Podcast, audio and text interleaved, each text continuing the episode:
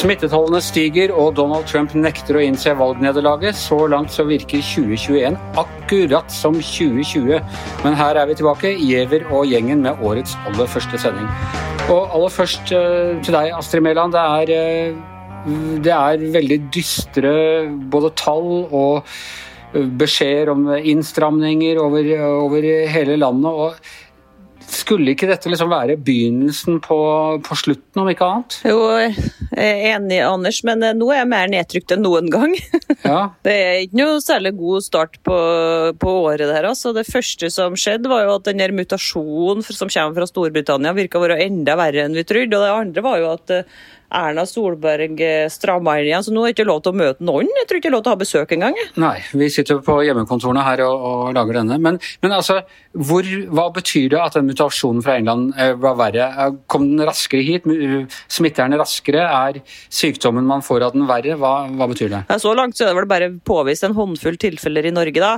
Så får vi håpe at det ikke kommer noe flere. Jeg tror det er vanskelig å holde den i, i sjakk på, på sikt. Da. Men det som er verre, er at det kommer mer og mer forskning som tyder på at den er mer smittsom. da, Kanskje 50% mer smittsom, sier noen, og så framstilles det som bra at den ikke er mer dødelig, i hvert fall. Det er ikke noe tegn foreløpig på at den skader oss mer, men egentlig så er det enda verre at den er mer smittsom, fordi da er det jo så mange flere som får den, og det betyr jo igjen at uh, flere vil dø og bli syke. I England, i Sør-Øst-England, så det, ser det skikkelig ille ut nå. Det er 32% mer på sykehuset det var på toppen i april. Men hva med vaksinene? Virker de mot, også mot denne muterte versjonen, eller vet man ikke det ennå? Ja, Det er jo sant, Anders. Det er jo den gode nyheten. I dag så starta Storbritannia vaksinering med en tredje vaksinevariant. Kjempebra.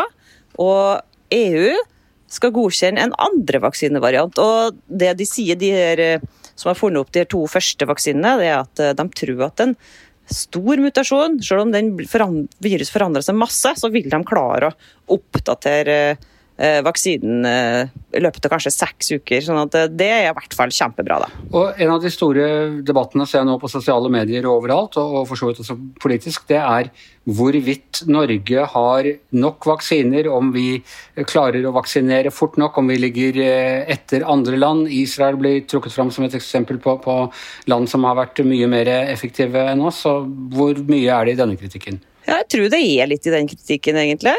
Det ble jo framstilt som en kjempestor seier for EU at de endelig klarte å gjøre noe felles på, på covid, på korona. som Det starta ganske dårlig for EU i 2020, med at alle landene stengte grensene og ble eh, opptatt av sin egne, egen befolkning. Men så klarte de altså å samordne seg og kjøpe inn vaksine billig og bra til hele unionen og fordele den rettferdig, slik at eh, land som ja, Rumen, Rumenia og Slovenia skulle få like fort som f.eks. Tyskland. Eh, men så har det jo blitt kritikk, særlig Tyskland, som eh, står bak den ene vaksinen. Det er et tysk selskap som, den, eh, som var med på å lage den første. Og, og Danmark, som får masse hjemlig kritikk for å ha fått for lite leveranser av de to første vaksinene. Ja, Hanne Skartveit, godt nyttår til deg. Godt nyttår, alle sammen. Hva, altså, vi, vi, så jo i fjor hvordan det var jo covid som egentlig felte Donald Trump. Han var ute av stand til å, å håndtere den situasjonen. Kan covid også bli et problem for den norske regjeringen i det valgåret vi nå er på vei inn i? Eh, I en tid preget av så mye uforutsigbarhet, så tør jeg ikke å svare ordentlig på det hele. Anders, for Det er veldig avhengig av hvordan det går både med vaksineringen og med Jeg vil ha et klokkeklart svar som vi kan holde opp mot lyset på valgdagen og se om du hadde rett eller ikke. Nei, og det får du ikke, Anders.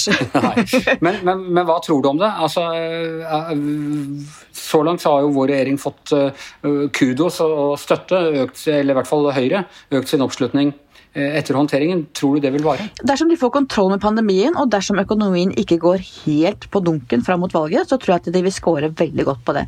Men det er klart, Hvis det viser seg nå at man har håndtert vaksinesituasjonen dårlig, hvis vi blir hengende etter andre land som da plutselig gjør det bedre enn oss, så vil det være et problem. Så det er helt avhengig av hvilken vei disse tingene går. Per Olav Ødegaard, godt nyttår. Godt nyttår til alle sammen. Hvordan ser, eh, ser situasjonen ut sånn i et internasjonalt eh, perspektiv nå, med, med spredning og vaksineutrulling og i det hele tatt? Det er jo et kappløp kappløp. Eh, altså Man ser jo at smitten brer seg eh, i svært mange land.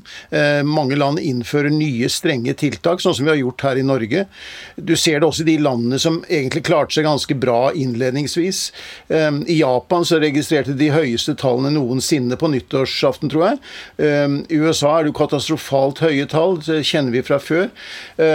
Og samtidig så er jo vaksinene i ferd med å bli rullet ut og satt inn.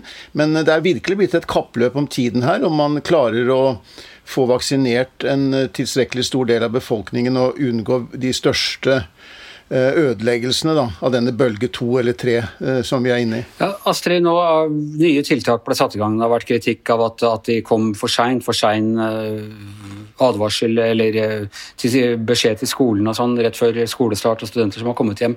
Og i det hele tatt. Men alt i alt, disse Tiltakene som blir satt inn nå, det er stort sett de vi har levd med i Oslo siden en stund før jul, er det ikke det? Som nå gjelder over hele landet? Ja, det ligner jo, bortsett fra at nå er det ikke lov til å ha noen på besøk hjemme, da. Har, det er jo kanskje en anbefaling, det da, men så det er jo enda hardere. og Det gjelder jo både Flekkefjord og Bodø, det her, da, så det er jo ganske hardt. Det gjelder jo kommuner som um, ikke har noe covid eller korona i det hele tatt, og de må gå på rødt nivå på skoler. Det betyr at eh, barne, nei, ungdomsskoleelever og videregående skoleelever må være hjemme masse, da, kanskje halvparten av tida. Kommer litt an på hvordan de leser og hvor store lokaler de har. Men, så det er ganske hardt. Men de sier jo de skal øh, bruke to uker på det, da, så skal vi se. Det kan jo være en eh, god idé, det. Jeg tenker at det, det er noe med kommunikasjon her som gjør at eh, de har tenkt at det er lurt å ta hele Norge og dra fram Erna, vise at det er alvor og få oss til å holde oss for oss sjøl, rett og slett. Tror du det er eh, at vi blir ferdig med det verste i løpet av dette året? Ja, det tror jeg. Og jeg blir så glad når Astrid sier det. Jeg, si, jeg blir så glad når Astrid sier det. ja, Ja, ja, året er nesten over, så nå er vi nesten i mål. Uh, nei, det, det, kom som en liten ekstra, denne her. altså Det, det alvoret som nå har, har skjenket seg. Hvor, hvor, utrolig lenge vi faktisk skal slite med dette her. Ja, jeg begynner å se mørkt på sommerferien jeg, altså akkurat nå, men vi får håpe at det bedrer seg neste uke eller noe sånt. Viser ikke erfaring at hvis man tar og strammer veldig til sånn som det har gjort nå, så er det eneste veien ut til at det faktisk blir litt lysere tider? Astrid, kjære Astrid?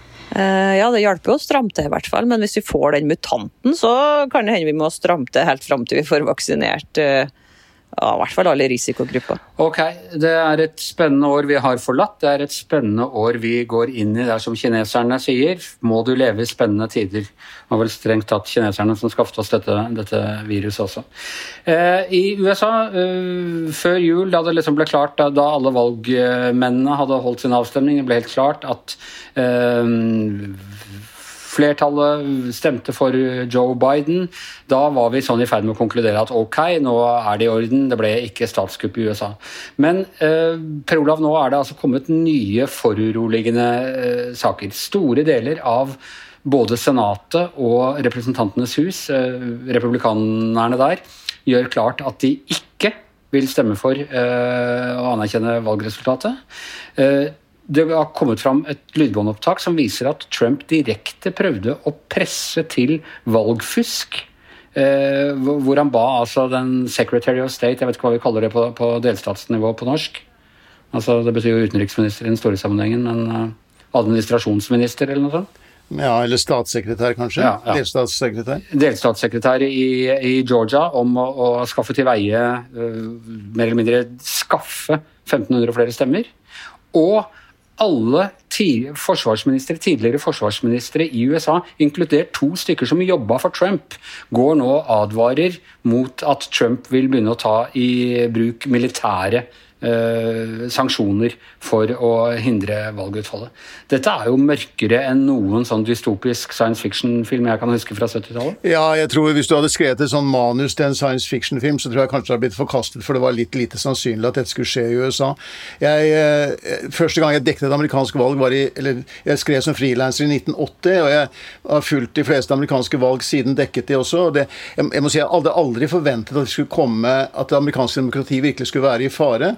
Men jeg mener at disse dagene vi nå står foran, er ganske kritiske for det amerikanske demokratiet. Det som skal skje eh, i, fram mot torsdag, hvor denne saken da kommer opp i Kongressen. Ja, Hva er det som skal skje nå de neste dagene, for å bare ta det litt sånn uh, rekkefølgevis? Ja, eh, Det er jo det er onsdag da, den sjette. Det kommer opp i Kongressen, bare for å rette meg selv. altså Nå har vi jo eh, hatt denne telefonsamtalen i helgen, hvor det er et desperat forsøk fra president Trumps side for å få omgjort resultatet i Georgia. Eh, og så er det da viktig for ham å få gjort dette, fordi det er jo et valg etter de, eh, til to senatsplasser fra Georgia, og det er nå på tirsdag.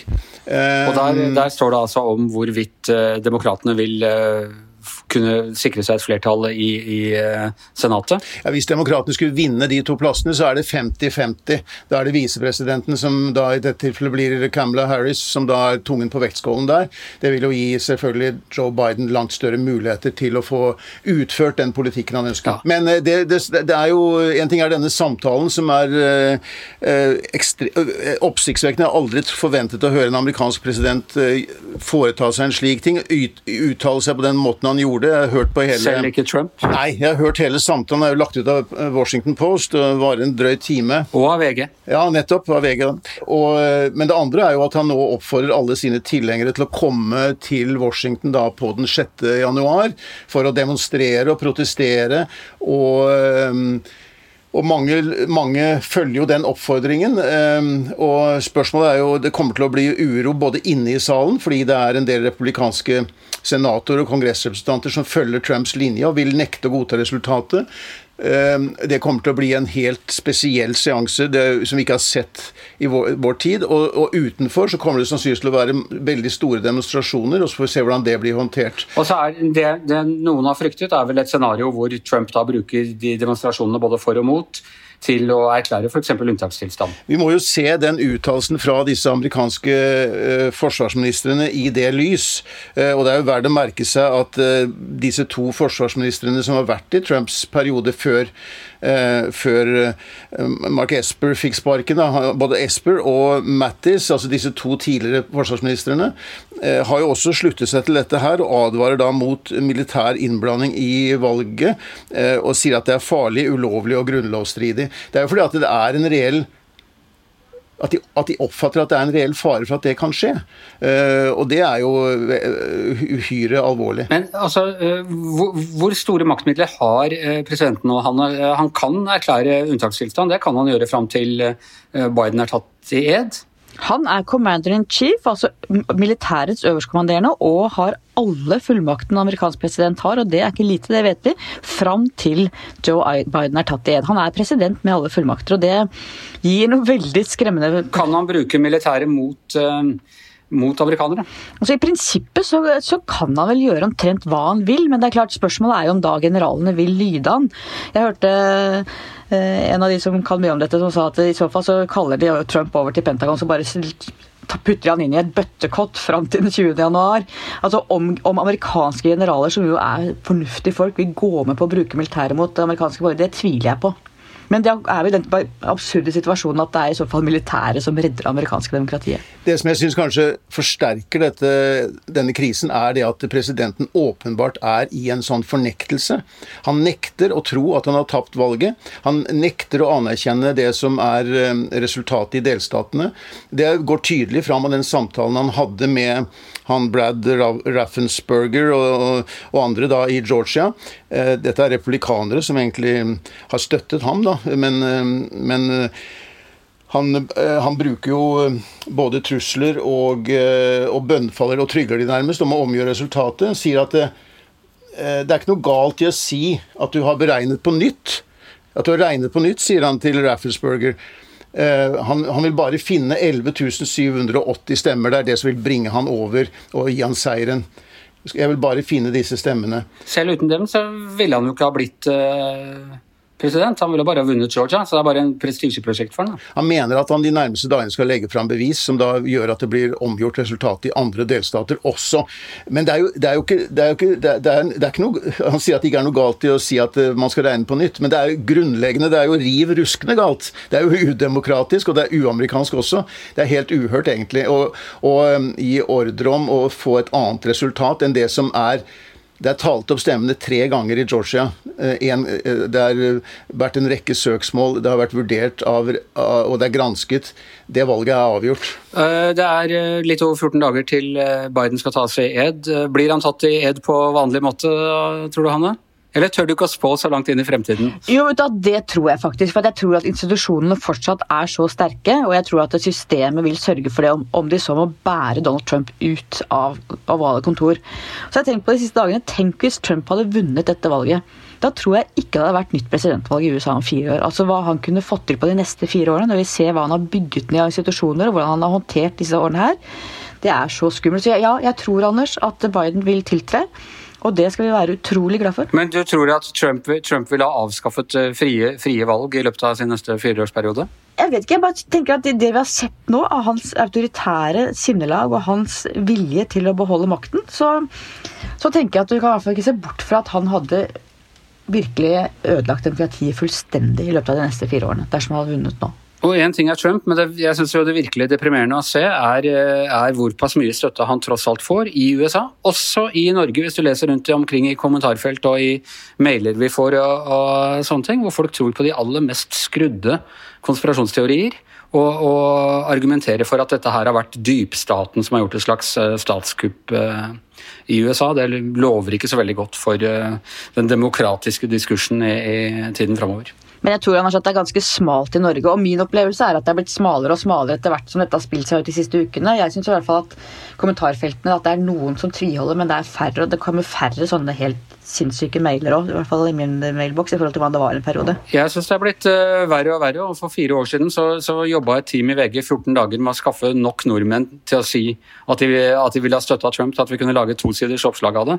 Og nå skal jeg klart å skaffe det på en kjapp titt i mailboksen min. Per Olav, hva var det du skulle si? Jeg ville bare si at uh, det mesteparten av denne timen som denne samtalen, telefonsamtalen varer, er jo hvor Trump uh, kommer med en rekke sånne konspirasjonsteorier om hva som har foretatt hundrevis Han mener han har vunnet valget med flere hundre tusen stemmer, egentlig.